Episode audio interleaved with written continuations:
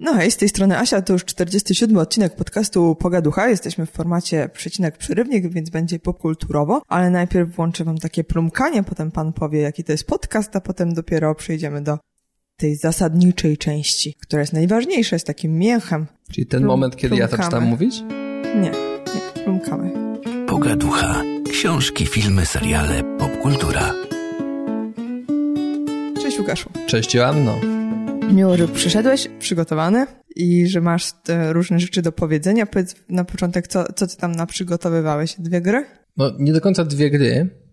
Mam jedną grę i jedną platformę, bo jestem takim świeżo może nie nawróconym, mówię też nie jakimś wielkim odkrywcą, bo jest 2018 rok, ale spróbowałem pograć na telefonie komórkowym w, w, grę i to nie w taką typową, jak kiedyś były na telefonach, które były takie fajne z pomysłem, ale raczej takie bardzo proste, tylko w taką grę bardziej konsolową i chciałbym o tym opowiedzieć i może też, nie wiem, zdemoralizować kogoś i zachęcić do grania na telefonie. I oprócz mhm. tego mam jeszcze książkę. Czy nie wstydź się z tym, że ty odkryłeś gry? Bo coraz więcej youtuberów wchodzi na rynek. Znaczy, oni odkryli, że można nagrywać nie dźwięk z obrazem, ale sam dźwięk i że można prowadzić takie, no właśnie, no takie, że jeden człowiek mówi, potem drugi człowiek mówi i oni nazwali to rozmowami i nazwali to podcastami i oni są twórcami teraz tej formy. Tak e, słyszałam, tak mówią, że oni stworzyli taki format audio taki. Więc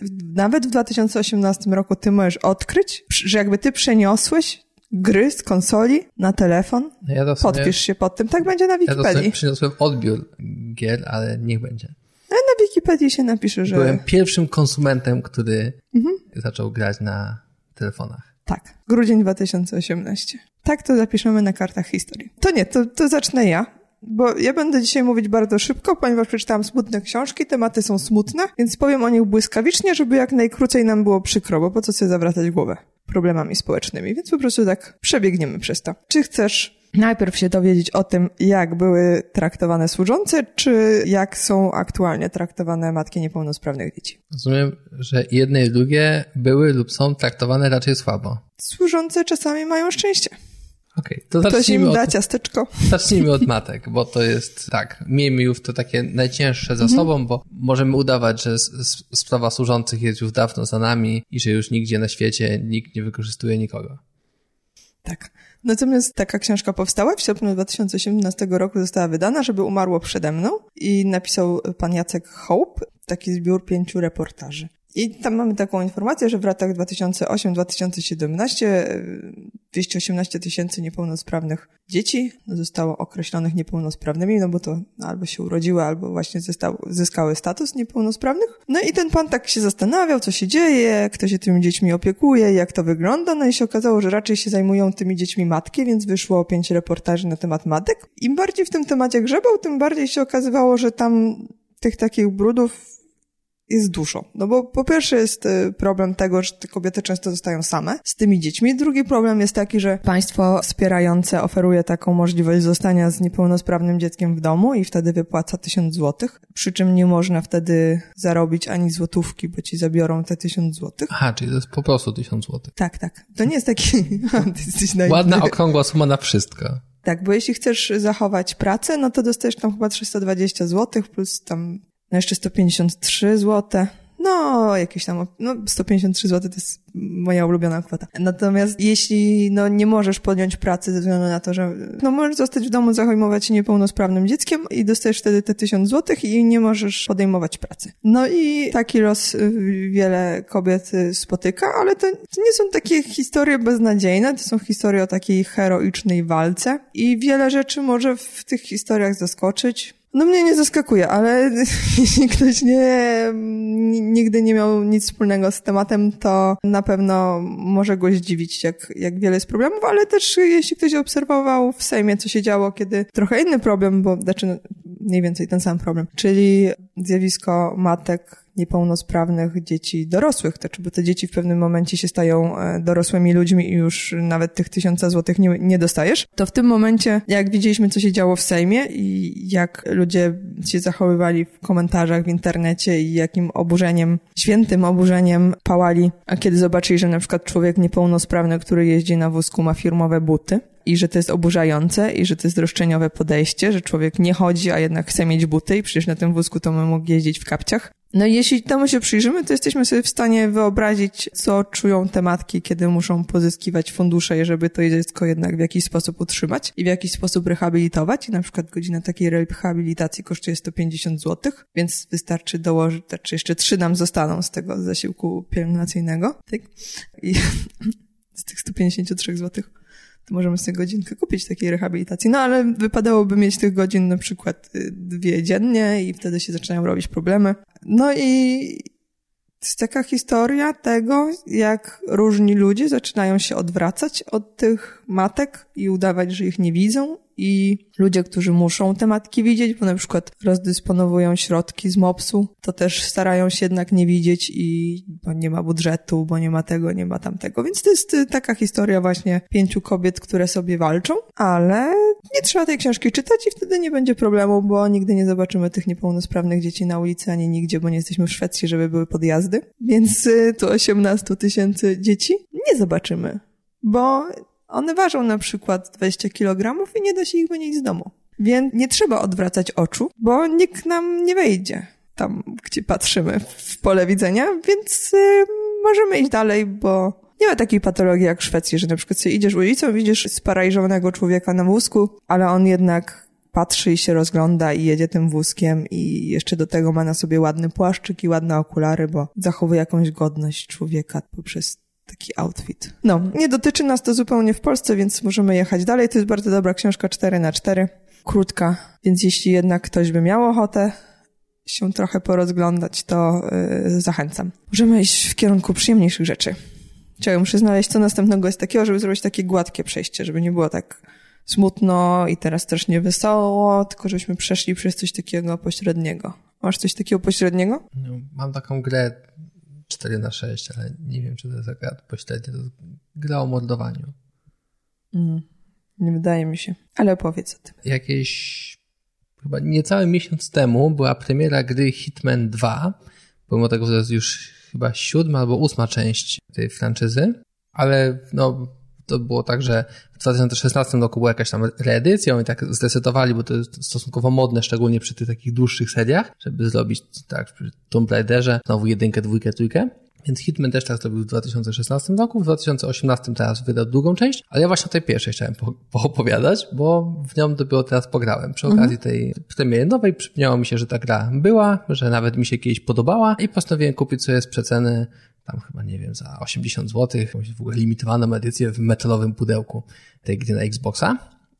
I ta gra była w sumie dosyć ciekawie wydawana, bo tam jest jakby sześć epizodów i oni postanowili wydawać to tam co miesiąc, wydawali epizod, trzeba było kupować za jakieś tam mniejsze pieniądze, ale e, łącznie cała gra była i tak stosunkowo droga. I to im chyba się nie udało. Jakby finansowo ta gra raczej nie była wielkim sukcesem, też jej wydawca Square Enix oni pozbyli się tego studia jakoś ostatnio, które, które tą grę zrobiło, więc ta epizodyczne wydawanie tej gry nie było sukcesem, chociaż chyba dzięki temu Adomie trafiła, bo sobie kiedyś zaryzykowałem tam za parę złotych, kupiłem ten pierwszy epizod na PC-ta, pograłem sobie, bardzo mi się podobał, był bardzo ładny, potem jakoś nie miałem czasu, więc nie, nie grałem w kolejne, no, kupiłem teraz na Xboxa, bo ta gra jest wydana na wszystkie możliwe chyba platformy, no jeszcze nie na Switcha, ale jest na Windowsa, na Xboxa, na PlayStation, nawet na Linuxa i macOSa, jak, jak ktoś chce. Tak mówię, to jest sześć epizodów, tam są jakieś dwa takie ekstra epizody, które polegają na tym, że gra się na tej samej mapie, ale, ale tam nie wiem, jest noc albo jest coś, coś trochę innego. Jest też prolog, który też jest takim interesujący, taka misja na jachcie. I tak mówiłem, to jest reedycja bardzo starej serii Hitman. Jest się płatnym mordercą, łysym, z wytytułowanym chyba kodem kreskowym na potylicy. Jest się niesłychanie skutecznym mordercą, a można ludzi dusić, do nich strzelać, truć ich, zrzucać na nich różne przedmioty, można przebierać się w ich ciuchy, więc gra jest naprawdę fajna, to jest taka przetłumaczę nawet na polski, to jest taka piaskownica. Więc możemy sobie chodzić zwykle po mapie, która jest stosunkowo obszerna i wyszukiwać jakieś oryginalne metody na zlikwidowanie celu. Jako taka skradanka jest naprawdę świetna, bardzo polecam, gra jest ładna i na konsolach też wygląda ładnie, chociaż na, na PC zdecydowanie ładniej. Dosyć dobrze się jakby ten sam gameplay, sterowanie są, są bardzo sprawne, więc można poczuć się jak taki świetnie wyszkolony zawodowiec, bo nawet jeżeli coś zaczyna się dziać nie po naszej myśli, to możemy jakoś tam szybko jeszcze skoczyć, kogoś uderzyć sprawnie. Nie to, co w niektórych innych grach, jak na przykład nie GTA, w którym gra się plastelynowym ludzikiem. Co jeszcze miałem o tym powiedzieć? Aha, i ta gra przez niektórych jest uważana za nie w taką łatwą, ale mi się wydaje, że jeżeli ktoś chce przejść tę planszę tak idealnie, to ona nie jest zbyt łatwa. Jeżeli po prostu chce się je przejść, to praktycznie każdemu się to uda. Ja właśnie dlatego lubię tę grę, bo jest taka, że mogę sobie usiąść na kanapie, sobie pół godzinki w nią pograć, nie ma tam jakiegoś gigantycznego napięcia, taka raczej traktuję ją bardzo casualowo, ale właśnie dzięki temu, że można próbować robić to na jakieś tam inne sposoby, no to niczym cebula, ona jest taka wielowarstwowa, i można próbować wymaksować pewne rzeczy. Tam są jakieś wyzwania, tam są jakieś specjalne postacie, które się tam pojawiają w jakichś takich limitowanych ilościach, które można też jakoś tam specjalnymi metodami zamordować, więc to bardzo polecam. Bardzo mhm. polecam. Ale to jest to gra, w której Sylwia kupowała te ubrania Gucci, czy bo ja się zgubiłam. Tam się było hakerem. Nie, to, to, to, to, to była taka stara, stara, no już, no może nie stara, to było Watch Dogs dwójka i to po prostu gdzieś tam wyciągnąłem z szafy i to była Aha. tylko chwila. Nie, nie. Tam to, to był otwarty świat, zupełnie tak, tak właśnie. Dobrze, bo myślałam, że o tamtym będziesz mówił, że są piękne szafy i hipsterskie ubrania i kroksy nawet do kupienia. Nie, ja... Za Lepsze niż Simsy. Jakby, no okej, okay, to to możemy króciutko powiedzieć, bo w sumie w Watch Dogs 2 to graliśmy, w sumie i Sylwia i ja graliśmy podobnie, raczej nie robiliśmy misji, ja sobie chodziłem i tam podziwiałem San Francisco, w którym to się dzieje i tam wchodziłem na dachy, a Sylwia jeździła samochodem od sklepu z ciuchami do sklepu z ciuchami i wydawała wszystkie moje pieniądze na coraz to bardziej hipsterskie ciuszki. Skończyliśmy w złotej marynarce za chyba 5 tysięcy dolarów. Mhm. Y, złotej czapce z daszkiem, jakimś takim, w jakichś takich spodniach z opuszczonym krokiem, ale tak opuszczonym naprawdę do kolan, chyba w złotych butach, nie jestem pewien, w ciemnych okularach oczywiście i z torbą na plecach taką pomalowaną w kreskówkowe postaci. Sklepy rekomenduję, widziałam e, jednym okiem, tak, nie, można, i tych sklepów jest pełno, tych ciuchów jest mnóstwo, wydaje mi się, że więcej niż w jakimś takim GTA, czy, mm. więc ktoś chce się ładnie ubrać. Zresztą chyba też ta postać jest jakaś taka ładna, no. ładna. Mm. W GTA to raczej jest jeden pan taki z brzuszkiem, jeden taki, którego nie chcemy oglądać, no i w sumie no tam Franklin wygląda w porządku. Ale bohater Watch Dogs y, drugiej odsłony jest zdecydowanie ładniejszy. Okej, okay, więc mamy książkę kolejną i to jest 21 lekcji na XXI wiek i to jest Yuval Noah Harari. Przepraszam, ale ja dalej nie jestem w stanie się nauczyć, jak się mówi. Pan się trudno nazywa. To jest ten pan, o którym już mówiłam kilkukrotnie, ponieważ on napisał e, Sapiens od zwierząt do bogów i napisał Homo Deus. I on teraz wydał trzecią książkę. I to jest troszeczkę problematyczne, ponieważ jego koncepcja polegała na tym, że raz napisał o przeszłości, raz napisał o przyszłości, a teraz jesteśmy w tym punkcie, w którym znajdujemy się obecnie i on analizuje to, co dzieje się teraz, czyli te problemy, które mamy teraz, jakieś tam Brexity, Trumpa, fake newsy, myśli na temat dochodu podstawowego, demokracji, wad demokracji i tego, że ludzie tra będą tracić stanowiska pracy na, na rzecz automatyzacji roboty, robotyzacji. Tak. I to by była bardzo fajna książka i bardzo dobra książka, gdyby nie to, że on napierdziela z tymi książkami po prostu w takim tempie, że ja dopiero co przeczytałam te jego dwie poprzednie książki, ponieważ one wychodzą że. Aż, aż się te aplikacje zaczynają jąkać w telefonie, które ci je czytają. Tak, że jest... No. iPhone'owi zaschło w ustach. Dokładnie. Od nie, no. krzyczenia tego do słuchawek jeszcze na prędkości jeden raz. To są bardzo duże książki i on tam naładował bardzo dużo przemyśleń i wiedzy, bo to nie są broszurki. Jadąc w takim tempie, on też nie ukrywa, że w tej książce są pewne rzeczy, które już gdzieś publikował. Część rzeczy będzie się powtarzać, bo wiadomo, że w przeszłości i w przyszłości, jak byliśmy, to gdzieś przekraczaliśmy to miejsce, w którym jesteśmy teraz, bo tak naprawdę jesteśmy trochę w przeszłości, a trochę w przeszłości, bo teraźniejszość nie istnieje. Nie. No, jakkolwiek... Y, Jest bardzo krótka. Tak. I ciężko o niej pisać. Tak, ciężko w nią trafić. Ona się bardzo szybko, tak, przeterminowuje. Nie zalecam, czy, czy znaczy zalecam. Jak, jak chcecie, to sobie czytajcie te czynniki. Ja jestem, żeby wam mówić, co macie robić, ale ja bym poczekała trochę z czytaniem tej książki, bo to jest świetne takie podsumowanie. I gdybym miała wiedzę, gdybym na przykład znalazła jakiś podcast, w którym ktoś o tym opowiada i powiedziałby mi, że dobrze się wstrzymać, to bym się wstrzymała. I na przykład posłuchała sobie tego, czy tam przeczytała za rok bo odświeżyła to, co przeczytałam w jednej i w drugiej książce. To wszystko sobie jeszcze raz usystematyzowała. Może miałabym jakieś swoje już nowe refleksje, a tak to ja nie mam już żadnych moich nowych refleksji, bo miałam za dużo czasu na ich przetworzenie i wymyślenie. A znowu, jeśli ktoś nie czytał tamtych dwóch, no to ta będzie rewelacyjna, bo ona jest taka właśnie podsumowująca i zbierająca. Są różne takie rzeczy, tematy, których też może nie poruszą, na przykład mm, właśnie temat takiej zbiorowości, patriotyzmu, takich kwestii, które on uznaje, że są teraz deficytowe i jakby z tego też wynikają pewne skłonności do nacjonalizmu i że trzeba by było pomyśleć, jak rozwiązać, zaspokoić tą ludzką potrzebę właśnie takiej plemienności. Tak. Nowotości. No, na pewno kiedyś Kościół dawał mm, duże takie poczucie wspól... no wspólnoty. Tak. Ale to chyba ciągle na przykład w Stanach Zjednoczonych Kościół tak mocno działa. Tam się tą zupę robi dla bezdomnych mhm. i się razem spotyka i coś się organizuje. I jak się różne badania czyta właśnie o tym, jak Kościół wpływa na well-being, to często te amerykańskie badania mówią, że dobrze, głównie ze względu na tą właśnie tak. wspólnotę, która się buduje dookoła tych parafii. No, tylko, że ten badania też mówią, że ten Bóg tam jest tam takim czynnikiem zbędnym jakby w tym. Znaczy mógłby, można by było Boga zastąpić czymś innym, co by zbierało tą wspólnotę, a jakby też można by było karmić bezdomnych. Durszlakiem z makaronem i kropsikami. No właśnie durszlak nie zadziałał, nie? Nie udało się. Latający kościół, Wie... latającego boga spaghetti. Więc może jednak nie można nastąpić. On akurat jest Żydem i jeszcze jest gejem i on bardzo dużo się odnosi do właśnie do Żydów i do homoseksualizmu i w różnych swoich tych, bo akurat na temat, bo go przepracował. On mówi o ortodoksyjnych Żydach, którzy są bardzo, bardzo mi się podoba ten ich pomysł na życie, który zakłada, że mężczyzna nie może pracować iść, bo musi księgi zgłębiać. No więc ci ortodoksyjni Żydzi, oni nie mogą pracować nie tylko tam w Szopes, a w ogóle nie mogą. Mogą płodzić dzieci w dużej ilości. No i to też praktykują. No i oni dosyć są biedni, ponieważ albo ta kobieta tam jakoś współpracuje, co prawda społeczeństwo powinno ich wspierać, no ale to wiadomo, nie są takie kwoty, żeby tam na bogato żyć, a ich poziom jakoś y, zadowolenia z życia i z siebie jest bardzo duży. No bo oni mają duże poczucie tego, że to zgłębianie tych ksiąg i czytanie i taka intelektualna praca nad tym rozmyślaniem, to jest szalenie istotne. No i w sumie też mogłabym się tym w życiu zajmować, myślę.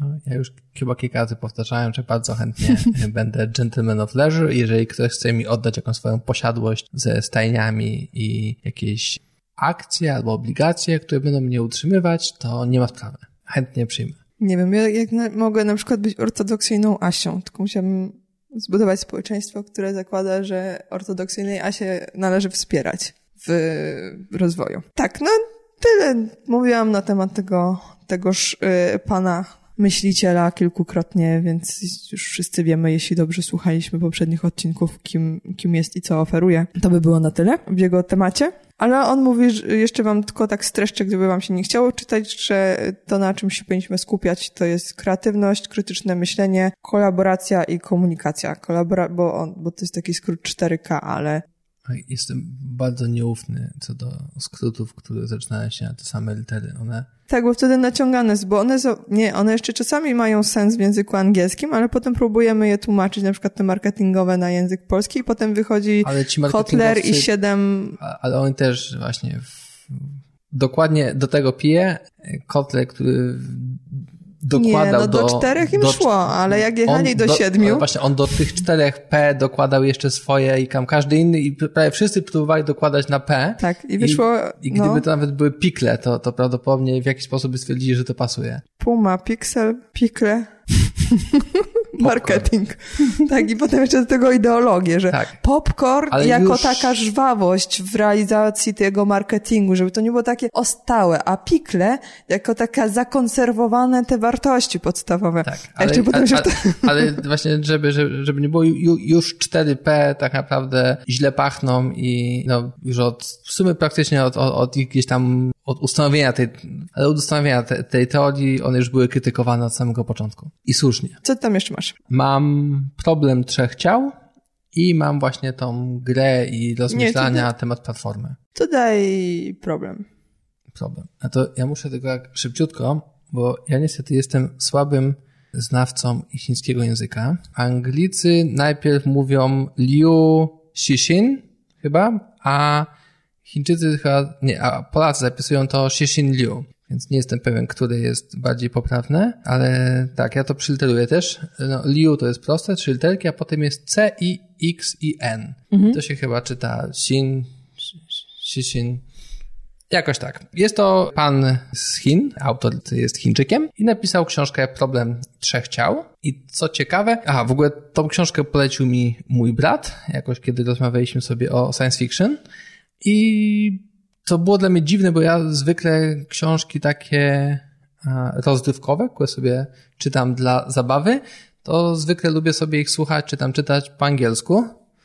Zwykle dlatego, że jest to oryginał. I w tym wypadku też na początku tak e, autopilot i chciałem sobie to po angielsku gdzieś załatwić, pomimo tego, że miałem polską wersję na jakimś tam koncie audioteki. No i tak do, dopiero po tym, jak już, już wpisałem dane karty kredytowej, to uświadomiłem sobie, że może jednak posłucham tego po polsku, bo to i tak ten angielski nie jest oryginałem, a w oryginale no tym razem nie podobam. Polecam czytać to po polsku, czyta się to dobrze po polsku. Ja przeczytałem tylko pierwszą część, to jest podobno trylogia. Nie jestem pewien, czy ta trylogia została napisana od samego początku, jako jakby z myślą o tym, że była trylogią, bo mi się wydaje, że kończy Ale się... przepraszam, bo ty sprawdziłeś, że to jest trylogia, czy ja ci tak nakłamałam? Nie, nie, ja sprawdziłem, że to jest trylogia. Okay, Zresztą w, w, w epilogu pięć. autor tam pisze co inaczej. W posłowiu e, autor pisze o tym, że to jest pierwsza z trzech książek i zresztą opowiada też e, o tym, jak zainteresował się kosmosem i w ogóle jakąś taką fantastyką naukową, co jest, to jest też fajne. Ja sobie przeczytałem pierwszą część i ona zostawiła mnie w takim e, lekkim poczuciu niedosytu, ale właśnie na tyle lekkim, że postaram się nie czytać reszty, bo ona zostawiła mnie też w takim momencie refleksji. Na początku książki zupełnie nie wiadomo, co będzie tym głównym wątkiem. Bardzo fajnie zresztą ta narracja jest prowadzona, przeplatana między różnymi postaciami. Jesteśmy w stanie się z nimi zaprzyjaźnić, potem jesteśmy w stanie ewentualnie z niektórymi z nich się, z niektórych, od niektórych z nich się odkochać? Odkochuje się od kogoś, czy z kogoś? Z kogoś. Z kogoś? W kimś. Kimś? To z kogo? Odkochałam No możemy się odkochać. I jak najbardziej czytanie tego było wystarczająco zajmujące i mnie bawiło. Więc tak jak mówiłem, postaram się nie czytać kolejnych części. Jeżeli nawet je przeczytam, to wam o tym nie powiem, nie przyznam się do tego, bo uważam, że nie powinno się ich czytać, przynajmniej w tej chwili. A tak mówię, no, zostawia w fajnym poczuciu, niedosytu jest dobrze napisane. Też dla jakichś takich laików e, pokazuje kilka jakichś tam, nie wiem, ciekawostek takich technologiczno-naukowych, co też jest fajne, szczególnie wydaje mi się, że dla jakiejś tam młodzieży, żeby zainteresować, jest tak trochę może zbyt banalnie, ale to może i dobrze pokazana e, budowa procesora. Nie, fajna książka i ona taka w prawdziwym duchu fantastyki naukowej. Czyli jest tam troszeczkę tej nauki, jest trochę tych jakichś terminów, jest trochę postaci, do których się nawiązuje w, i to w taki całkiem zgrabny sposób jest zrobione. Jestem jak najbardziej zadowolony, usatysfakcjonowany tą książką i będę szukał czegoś też podobnego.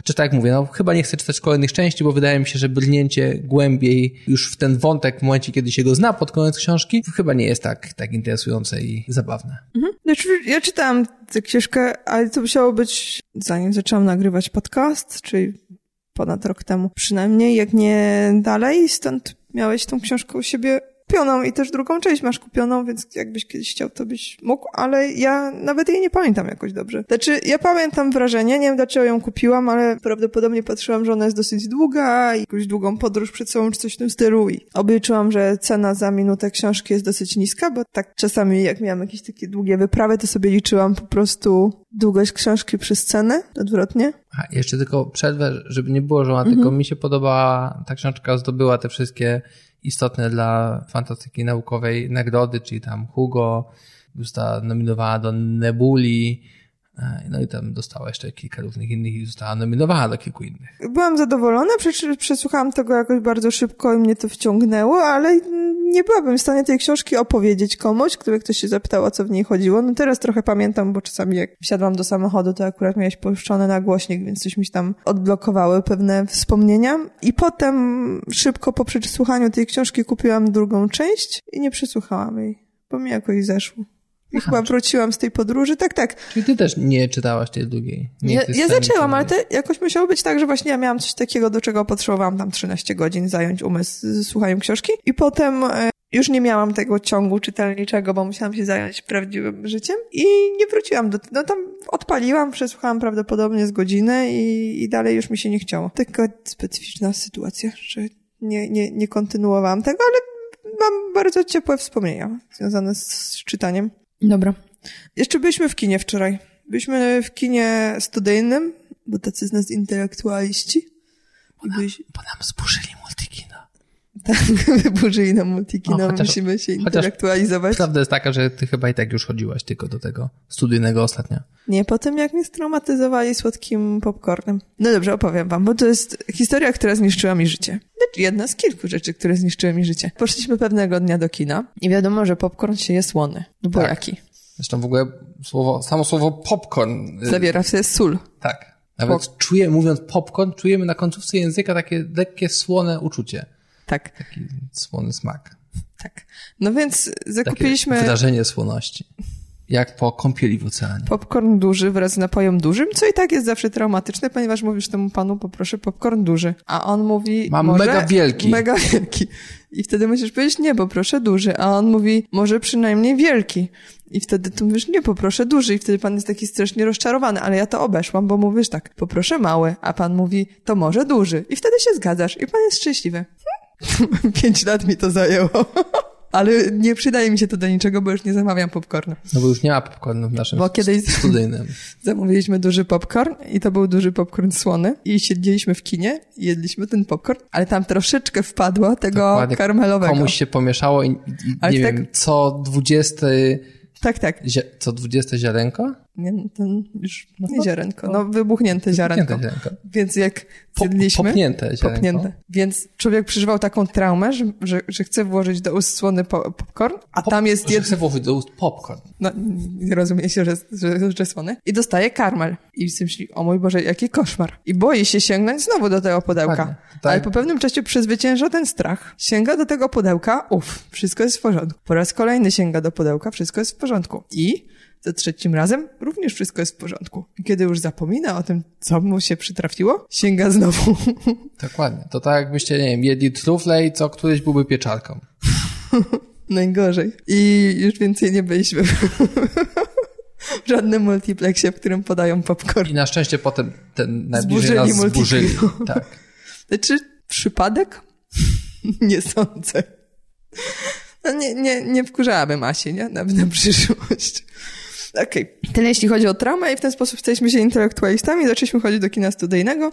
Udaliśmy się na e, film Jeszcze jeden dzień. Po angielsku Another Day of Life. Po polsku chyba też jeszcze jeden dzień życia tak naprawdę. Tylko chyba Jeszcze dzień życia. jeszcze dzień życia. Chyba tak. Wiem, że ja też to jeden chciałem dodawać, ale tam bucha. Jeszcze dzień życia. No mniejsze, no film i tak go nie zobaczycie, bo musicie przyjechać do Gdyni i chyba go zaraz zdejmą z tego kina studyjnego, a nie wydaje mi się, żeby go grali w jakichś multiplexach, bo to jest kino ambitne. To jest film animowany i on mówi o trzymiesięcznym pobycie Kapuścińskiego w Angolii. Wtedy tam miała miejsce wojna i Kapuściński tam pojechał i reportażył. No i e, film jest ciekawie zrealizowany, bo jest animowany, ale jest przetykany takim klasycznym filmem, ale pokazującym aktualną Angolę. Co na początku wydawało się takie troszeczkę dziwne, dlaczego pokazują aktualne, to jakby Angolę teraz, a nie kiedyś, ale w Ale w porządku. Tak, na końcu Tak. okazało się, że to akurat był dobry wybór. Tak, tak, bo wydaje mi się, że trochę było trzeba, no bo jednak wchodzisz do tego kina i jest ci zimno, bo jesteś w Polsce, jest grudzień i jakby musisz poczuć też ten klimat Angolii i ten, ta animacja nie do końca ci przekazywała ten, to gorąco i dopiero jak było, w- zobaczysz tańczących Angolczyków Spoconych. spoconych tak, Nawet w nocy.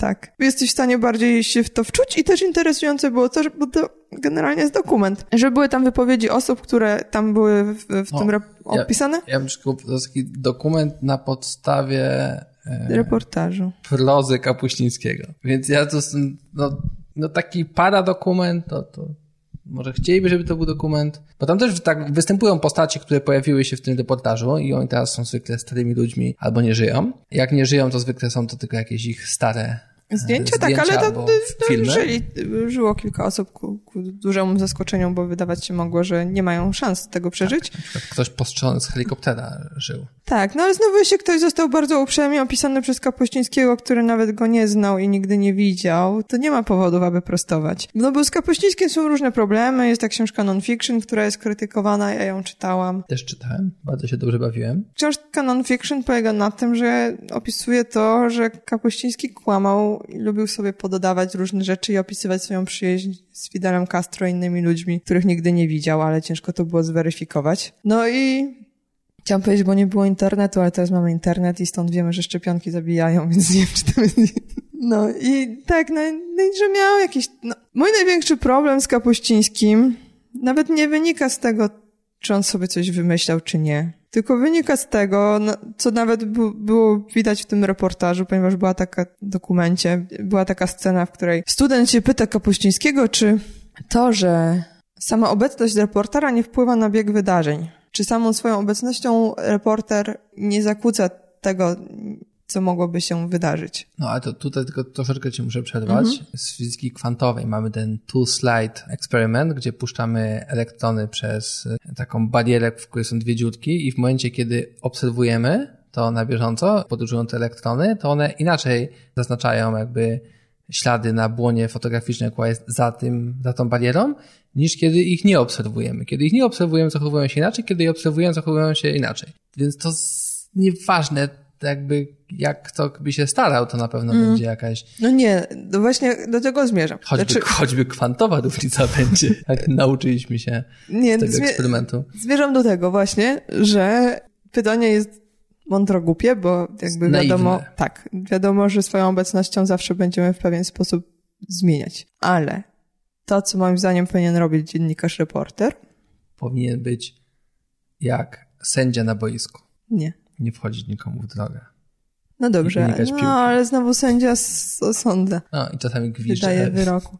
A, a właśnie wydaje mi się, że dziennikarz powinien po pierwsze jak najbardziej oczyścić swój umysł ze swoich różnych przekonań i pomysłów i po prostu starać się w miarę opisywać to, co widzi. Tak, myślisz, że co jest zupełnie niemożliwe. Ja mam takie pytanie, no to piłkarskie, bo jestem w to słaby. Mhm. To ten sędzia, on, on nie jest takim sędzią jak sędzia w sądzie. On, on raczej on ma obiektywnie liczyć, a nie osądzać. To chyba nie jest tak, że on jakiś wyrok tam wydaje. On ma być chyba właśnie maksymalnie obiektywny. Właśnie wydaje mi się ten sędzia boisku to jest świetny, bo on tam jest, on to obserwuje, ale ma nie wpływać i ma jego osoba y, nie wywierać no, żadnego wpływu na wynik. No okej, okay, tylko że bardziej, no, tak, no wow, ja, bo już wtedy rozmawiamy na temat... w życiu piłkarskie no, tak, tylko ja uważam, że powinno być wszystko monitorowane i, po, znaczy jest monitorowane, ale dupie to wszyscy mamy, bo chcemy starego, dobrego sędziego, ale można by to było po prostu mierzyć dokładnie, czy był out, czy nie było i co się działo z piłką. To jest, jesteśmy... Nie, my mhm. to i tak mierzymy. Ja wiem, tylko że ale, cały czas ale old school. Z sędzią jest ten kłopot, no nie będziemy robili obdukcji każdego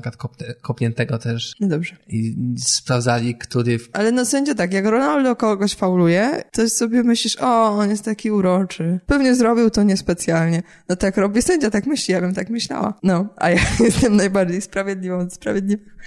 Dobrze, wracając z boiska i od kwantów do naszego Kapuścińskiego. Kapuściński to w ogóle w dupie to miał. Znaczy w sensie on się nie zastanawiał, czy on swoją cichą obecnością zmienia tok wydarzeń, tylko on po prostu sobie zada, wymyślał, co jego zdaniem jest słuszne i wspierał swoją sprawę, więc on po prostu się tam wpierdzielał w działania. Tak, w tym filmie też namawiał, żeby ktoś wysłał gdzieś jakiś oddział, więc on w filmie namawiał y, kogoś, żeby wysłał gdzieś cały oddział, no i tam potem to wydarzenie spowodowało jakiś efekt. Więc tak, on, on jak najbardziej po to, żeby gdzieś tam, nie wiem, zaspokoić może swoją ciekawość z jednej strony, no to bardzo ingerował w to, co się działo tam na miejscu i próbował naciskać na tych ludzi z różnych stron. Mhm. A jeśli wierzysz w to, że jesteś reporterem, robisz to dlatego, że świat ma prawo do wiadomości, a potem otrzymujesz wiadomość, której nie przekazujesz, bo jeśli przekażesz tą wiadomość, to wiadomo, że coś tam się wydarzy, no to już troszeczkę przykombinowujesz, bo działasz na korzyść z którejś ze strony. Także jeśli się dowiemy, że Kuba weszła do walki, to Ameryka wyśle swoje wojska, no to nie powiemy nikomu, że Kuba tu jest.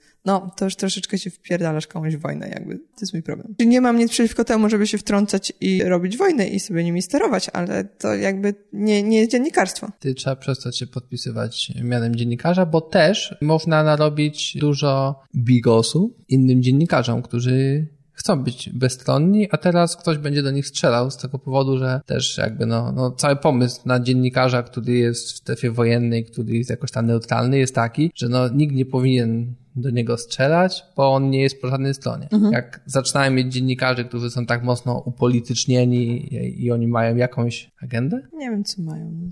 W ogóle są polityczni. No. Tak, no to, to wtedy już jakby jest kłopot i wtedy zaczyna się zastanawiać, czy ten dziennikarz to jest dziennikarz, czy ten dziennikarz to jest jakiś szpieg, który udaje dziennikarza. No dobra, to ci powiem, jak to robi Facebook i Google z dziennikarzami. Znaczy, to jest takie bardzo słabe przejście. O mój Boże, to jest najgorsze przejście w całym podcaście. Ale będę się go trzymać. Oglądałam jakiś czas temu też w kinie studyjnym, bo już mówiłam, intelektualistką jam jest. Czasem nawiązujemy do piłki nożnej, a czasem do fizyki kwantowej. Film Czyściciele Internetu, po angielsku The Cleaners. I to jest dokument TAR, stworzony przez Brazylia Niemcy. I on mówi o ludziach, którzy pracują na Filipinach jako sprzątacze internetu. Szeryfowie internetu? Nie, raczej sprzątacze internetu. Trudno. Nie, właśnie nie, bo to jest smutne, bo jeszcze bycie szeryfem internetu pali ho, ale szeryfem internetu to może być Zuckerberg. A oni po prostu sprzątają internet. Ile ich tak dokładnie jest, to nie wiadomo, ponieważ te wszystkie firmy typu Google i Facebook i Twitter się nie przyznają też aż tak otwarcie do tego, ile ich tam jest, chyba że ich się pyta, ile osób pilnuje porządku, to wymyślają jakąś cyfrę, jak widzieliśmy ostatnio, jak pan tam klu, klu, kluczył w zeznaniach. A to tym się zajmują firmy outsourcingowe, więc po prostu oni zlecają komuś, żeby Facebook został posprzątany. I są tacy ludzie na Filipinach, którzy zostali pokazani, Filipiny zostały pokazane, Filipiny są raczej biedne i raczej nie jest tam przyjemnie, więc taka praca jest bardzo opłacalna. Bo chyba ta reszta Filipińczyków, która nie zajmuje się sprzątaniem internetu. Co sprząta ulicy, no. Nie, jest na statkach. Aha. To jest naród, który jakby marynarze z Filipin są największą nacją, jakby najwięcej marynarzy na świecie jest z Filipin. Oni są na wszystkich, pod wszystkimi banderami pływają na wszystkich możliwych rodzajach statków, to jest naród marynarzy. I też taka ciekawostka, oni często jeżdżą na takie bardzo długie kontrakty. kontrakty. Takie... Dwa lata, A trzy lata. Oni jeżdżą na takie potwornie długie kontrakty. Ale wiem, że robią karaoke. Tak. I prawdopodobnie jedynym kapitanem, który z tego zadowolony jest twój ojciec. Może tak być. który tam jest swoim żywiolem. I się cieszy na Filipińczyków. Dobrze. Chyba aż tak często z Filipińczykami niestety nie, nie pływał. Nie, ale ostatnio płynął i mówił, że karaoke na propsie. I jedzenie filipińskie też. Nie, no tam gdzie jest dużo śmieci, Filipiny nie wyglądają najlepiej, no i też politycznie nie stoją najlepiej i ci ludzie czyszczą internet, czyli mają 25 tysięcy zdjęć dziennie. Rozumiesz tą skalę? Ile? 25 tysięcy dziennie. Każdy jeden? Mhm.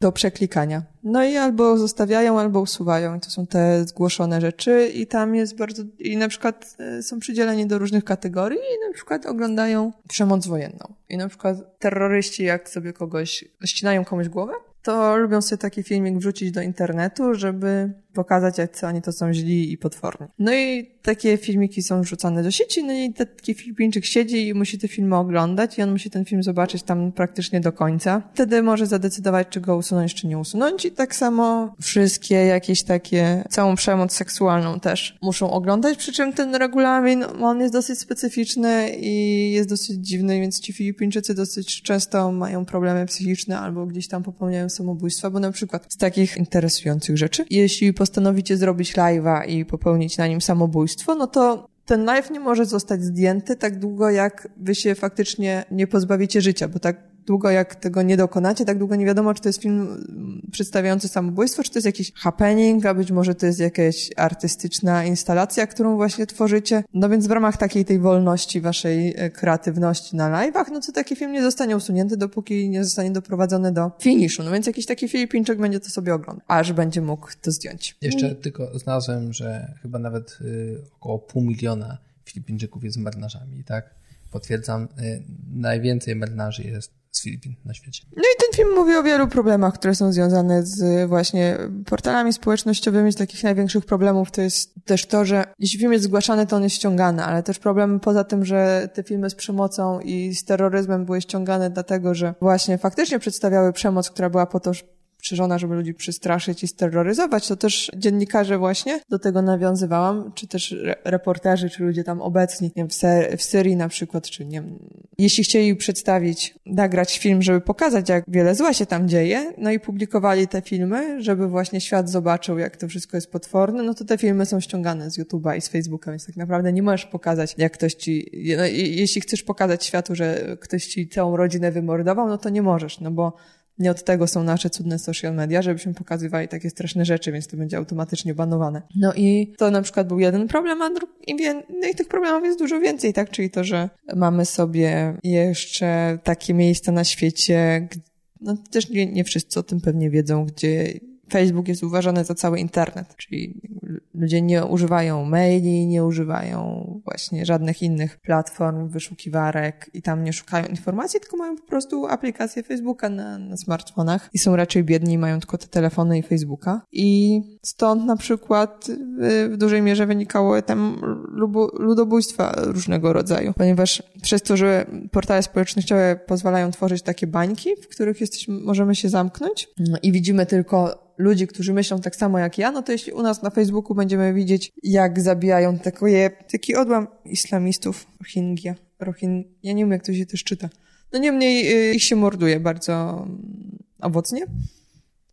I to jest y, propsowane na Facebooku, no i jest chwalone przez wszystkich naszych sąsiadów i znajomych, no to nam się wydaje, że to jest słuszne i, i, ludzie robią tak dalej. No i jakby tutaj można oczekiwać, że właściciele portali coś by z tym zrobi, mogliby z tym zrobić, ale z drugiej strony oni pozostawiają im wolność słowa. No i to jest wiele takich pytań, na które nie ma jednoznacznych odpowiedzi. Bo może nam się wydawać, że te odpowiedzi są jednoznaczne, ale jednak nie są. I też pytanie, na ile politycy mogą wpływać których krajów na to, co jest publikowane, a co nie jest i na ile e, portale społecznościowe się uginają pod takimi naciskami. No, pewnie można ten film gdzieś będzie zobaczyć w internecie niebawem, więc myślę, że warto sobie zerknąć, ale też z jakąś taką dozą krytycyzmu, no bo film jest nagrany, żeby przekazać pewną tezę, po części na pewno bardzo słuszną, ale nie wyłączałabym myślenia podczas oglądania. Masz coś takiego, przy czym można wyłączyć myślenie? Co jeszcze ci zostało? Mam. Gra. Mam mhm. dokładnie takie coś, przy czym można wyłączyć myślenie i, i właśnie wydaje mi się, że w, w, ogóle to granie na telefonach komórkowych raczej głównie polega na tym, żeby troszeczkę czasu przetrawić. A jak jedzie się autobusem albo czeka się u lekarza, gdzie się jeszcze czeka? Wszędzie się czeka, tylko ty tego wszystkiego nie robisz, tylko był kiedyś taki oddelegowujesz film, był taki, taki, polski film zrobiony tak trochę po amatorsku o obraniu narkotyków i tam między innymi jedna osoba właśnie drugiej pyta, gdzie się jeszcze czeka? U lekarza się czeka, na poczcie się czeka i to, to było takie, wiesz, nawiązanie dla ludzi, którzy są starsi niż 30 e, lat chyba i są z Polski i widzieli ten film. Dobrze. To nie ma ich aż tak dużo. Dobrze. Ale wy wszyscy, e, tak, puszczam do was oko. Więc ja sobie chciałem pograć w jakieś wyścigi. Ja sobie czasami gram w jakieś takie gry wyścigowe na konsoli i najczęściej gram w nie krótko. To są takie bardzo krótkie epizody. A te gry są drogie, jeżeli chce się kupić grę na konsolę, bo nowa kosztuje tam 200 ileś złotych, a nawet jakaś używana powiedzmy na obecną generację konsoli zwykle kosztuje jeżeli to jakaś przyzwoita gra, najczęściej ta używka nie spada poniżej, nie wiem, 80 zł. Tak sobie myślałem, kurczę, bo te gry jakoś ani strasznie długo nie gram, ani strasznie one mnie tam jakoś nie wciągają, to nie jest tak, że ja tam całej przechodzę. Ja sobie tak po prostu lubię odświeżyć tą... Pracuję w tym takimi moimi małpymi e, umiejętnościami, jakiś taki refleks. Najczęściej gram takie bardziej arcade'owe gry, wyścigowe i pomyślałem sobie, kurczę, może te telefony zrobiły się już na tyle dobre, bo kiedyś jak próbowałem, to niestety to sterowanie w tych grach wyścigowych było bardzo takie, no, nieprzyjemne żeby nie użyć bardziej dosadnego słowa. I w tej chwili wydaje mi się, że już telefony dojrzały do bycia platformą właśnie też dla jakichś takich arcade'owych gier wyścigowych. Nawet wydaje mi się, że lepiej gra mi się na telefonie niż na takiej zwykłej, dużej domowej konsoli, bo to sterowanie jest bardziej analogowe. Już jakby tłumaczę o co chodzi. W tej grze, w którą grałem, to był Gear Club, gear.club i w tej grze, jak w bardzo wielu grach wyścigowych na telefonach, są już dosyć dawna, steruje się przechylając telefon. Więc żeby skoncentrował w prawo, przechyla się bardziej lub mniej telefon. I to jest takie naturalne. Były jakieś próby robienia tego na dużych konsolach, ale te chyba akcelerometry nie są tak dopracowane. Kon... Ale przepraszam, że ci wejdę w słowo. Nawet na Amidze, jak się grało w te różne rzeczy, to człowiek musiał tak się przekręcać raz w prawo, raz w lewo, bo inaczej to się nie dało. Więc tak, tak. To zawsze było zabawne widzieć ludzi, którzy nie mieli komputera swojego w domu i oni na przykład w różnych grach próbowali zajrzeć e, za róg w, w dumie, tak wychylali się głową dochodzili do krawędzi w grach wyścigowych jak najbardziej tak musieli się przechylać, żeby nie, nie, Siła nie spać. Nie dokładnie, dokładnie. Więc tutaj jakby się przechyla i to mi się bardzo podoba i w tej grze, ale wierzę w to, że jest dużo gier, które są nawet lepsze, to sterowanie jest już świetne. Jakby bardzo przyjemnie się to robi. Ja sobie ustawiłem tak, że miałem gaz prawym palcem, hamulec lewym palcem. Może ten gaz i hamulec nie były takie analogowe jak, jak na dużej konsoli, gdzie mamy po prostu guziki, które można mocniej lub słabiej wcisnąć. Ale tak mówię, no ja gram w takie arcade'owe, ściganki i bardzo mi to pasuje. Też to, że no, ta grafika jest już niesamowita na telefonach komórkowych. A ja akurat gram na iPhone'ie, więc prawdopodobnie mam no, tą jedną z lepszych, ale podejrzewam, że większość tych telefonów z Androidami też sobie daje radę. Ta gra nie jest nowa, ta gra jest z 2015 roku, wygląda świetnie, gra się w nią bardzo dobrze. Yy, no i cena, to jest kolejna rzecz. Ta gra akurat póki co jest darmowa. Nie wiem, w którym momencie ktoś wyciągnie rękę, żebym za coś zapłacił, ale grałem w nią już chwilę i jak na razie nikt ode mnie żadnych pieniędzy nie chciał, a bawię się zupełnie dobrze. Tak, patrzyłem sobie na takie większe gry, które są płatne, to one kosztują na przykład 50 zł. To to nie jest też aż tak strasznie jak za całą, pełną grę, którą dostaje się na zawsze. Mhm. Nie polecam ludziom uzależniającym się szybko, bo ja się uzależniam od konsoli i wtedy po prostu mogę taką zebrać siłę wybiec z domu, albo na przykład zgłodnieję. Po trzech dniach zgłodnieję, nie mam nic do jedzenia w domu, wtedy wyjdę i korzystając z tego, że na chwilę się oderwałam, to po prostu już przebywam poza domem, dopóki mi trochę to uzależnienie nie zejdzie. A problem z grami na telefon jest taki, że nosisz je przy tyłku cały czas. Tak, to może być kłopot. Bo ja wcześniej grywałem w gry, ale to nigdy nie były wyścigi, bo wyścigi mi się nie podobały na telefonach. Ja grałem w jakieś takie gry, co się, nie wiem, jednym palcem się coś tam dotykało, skakało. One miały bardzo proste mechaniki, ale też były dobrze zrobione, były wciągające i je do jakiegoś stopnia szanowałem, ale tak, no, wydaje mi się, że już platforma dojrzała też do innych typów gier i, i będę eksperymentował. A chyba już są jakieś badania, które potwierdziły, że to takie mózgorozwojowe aplikacje, które ci kazały coś liczyć, łączyć kropki i rozwiązywać zagadki, to że one nie działają, więc możecie przestać się męczyć. O. Mhm. I możecie pograć wyścigi samochodowe. Nie, te wyścigi myślę, że one mogą być całkiem też fajne tam na lewą, prawą półkulę czy coś łączenie. Mhm. Ale możecie też raczkować. O, raczkowanie jest super, bo to mam, no, tak, ale to musicie słuchać tego typów do z, początku. Czy z Nozbi? Nie, to mówił, do początku mówił, do że, dobrze, że dobrze, mamy dobrze. raczkować. I my teraz za każdym razem, jak ktoś opowiadamy o jakimś problemie, to się pytamy, czy A szybko zaczął chodzić. Czy od, tak. I wtedy, no. Jak ktoś nie raczkował długo, to ja już go teraz nie szanuję. Mhm. To ja mówię, weź tam spadę sobie do wulkanu.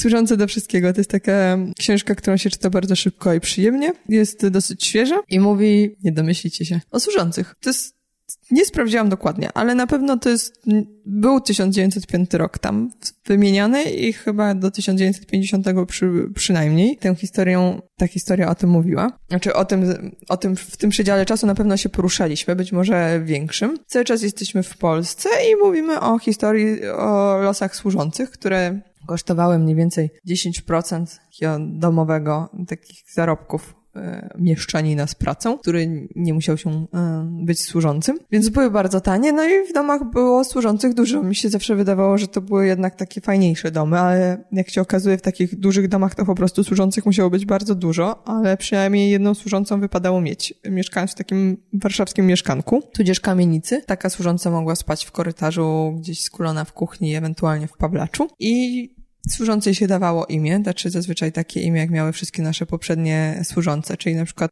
jeśli się nabijacie z kogoś, że mieszka na wsi i ma jednego psa i kolejnego psa i każdego nazywa Murzyn, żeby się nie uczyć kolejnych imion e, psów, to w dużych miastach, jak przychodziła nowa służąca, to na przykład się mówiło, nadawało się imię Andzia, bo tak się mówiło do poprzedniej służącej i poprzedniej służącej, więc żeby sobie nie komplikować życia i się nie uczyć, to tak się robiło. I jak się zatrudniało służącą, to można było ją nazwać po swojemu?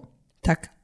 No bo, albo jeszcze najgorzej to by było, gdyby ta służąca miała takie imię, jak ty dałeś swojemu dziecku. Na przykład ty nazwałeś sobie córeczkę Krysia, a ci przychodzi jakaś służąca się nazywa Krysia. No proszę cię. I wtedy musiałeś nadać służącej na przykład imię Mariolka. I mówiłeś, no nie wiesz, mam tam. Albo na przykład zapominałeś i zawsze wołałeś, jak ci przyjdzie do głowy, ale ona i tak musiała przyjść. Ale ty byś do nikogo nie wołał, bo to nie wypadało, żeby pan domu w ogóle rozmawiał ze służącymi. Ale jedyną funkcją kobiety było głównie pilnowanie, żeby służąca dobrze pracowała. Ona była takim pośrednikiem. Mhm. Tak, bo było takie, taki pomysł powstał, aby przestać nazywać e, służącymi te kobiety, bo to głównie były kobiety, i żeby na przykład znaleźć dla nich inną nazwę, na przykład pomoc domowa. No i historyczny śmiech ogarnął świat, no bo jaka to jest pomoc, skoro ta pani w domu nic nie robi. I to jest uwłaczające dla tej gospodyni, żeby nazywać służącą pomocą domową, bo to by znaczyła, że ona sama też musi pracować w tym domu, skoro potrzebuje w tym domu pomocy. Rozumiesz? Więc się nie przyjęła, jednak zostały służące. No, jest to historia interesująca, bo ona opiera się na dziennikach, na gazetach, jest bardzo dobrze zresearchowana, no to też nie są jakieś bardzo dawne czasy, więc mamy wspomnienia, mamy pamiętniki. W tych czasach sobie na przykład Stanisław Wyspiański żył i się ożenił z taką służącą, co było dużym skandalem, no ale on też zachowały się listy i różne przekazy. Wiemy też, że służąca napisała ostatnie zdanie w Ferdydurkę. I to nie są tylko takie smutne historie, ponieważ faktycznie dla wielu osób, które przyjeżdżały ze wsi, takie dostanie się na służącą było awansem społecznym, bo jednak były w mieście i nie powiem często, ale zdarzało się też, że takie służące przebywały w domu przez cały czas, znaczy przez całe swoje życie, że były szanowane i kochane i wspierane, ale w większości przypadków nie. I to jest też niezabawne, bo zawsze jak ktoś mi opowiada, jak kiedyś to było, jakiś derdy mały, to jakby wydaje mi się, że ci ludzie nie wiedzą, że to można zweryfikować i że w tym 905, 1905 roku ludzie byli piśmienni i pisali do siebie listy, pisali pamiętniki, pisali gazety i że jesteśmy w stanie się dowiedzieć, co tam się wtedy działo. Można by się było cieszyć, że te czasy się skończyły, ale w ogóle można poznać też tło, e, kontekst historyczny gdzieś tło, ponieważ no, poza samą tą historią na temat służących dowiadujemy się też o innych kwestiach, na przykład na temat antysemityzmu polskiego. Troszeczkę będzie, bo był duży problem z żydowskimi służącymi w polskich domach, polskimi służącymi w żydowskich domach, a potem zaczęła się wojna i część służących szło do obozów razem z ludźmi, u których pracowały, bo ich bardzo lubiły, a część ich okradała, a część jeszcze inaczej. No, bo ludzie są różni i różnie się zachowują. No ale tak, myślę, w ogóle bardzo to jest przyjemne. Ja słucham audiobooka i mi to tak bardzo przyjemnie weszło. Się przysłuchało i zmusza też do różnych refleksji. Papa! Do usłyszenia. Aha, yy, ten, jakbyście byli uprzejmi dać tą ocenę w iTunes, że lubicie mój podcast, jeśli lubicie, to będzie mi bardzo miło, bo ostatnio dostałam kilka ocen i było mi strasznie miło. Totalnie po prostu, o lol, ale fajnie. A najbardziej mnie cieszy, jak ktoś na przykład, poza tym, że da te tam pięć gwiazdek, co też jest szalenie fajne, to na przykład jeszcze napisze coś, takie jedno zdanie i sobie myślę, o, ten człowiek aż napisał takie jedno zdanie. Fajne to jest. Serio. To by było na tyle. Kolejny odcinek Pogaduchy już za tydzień.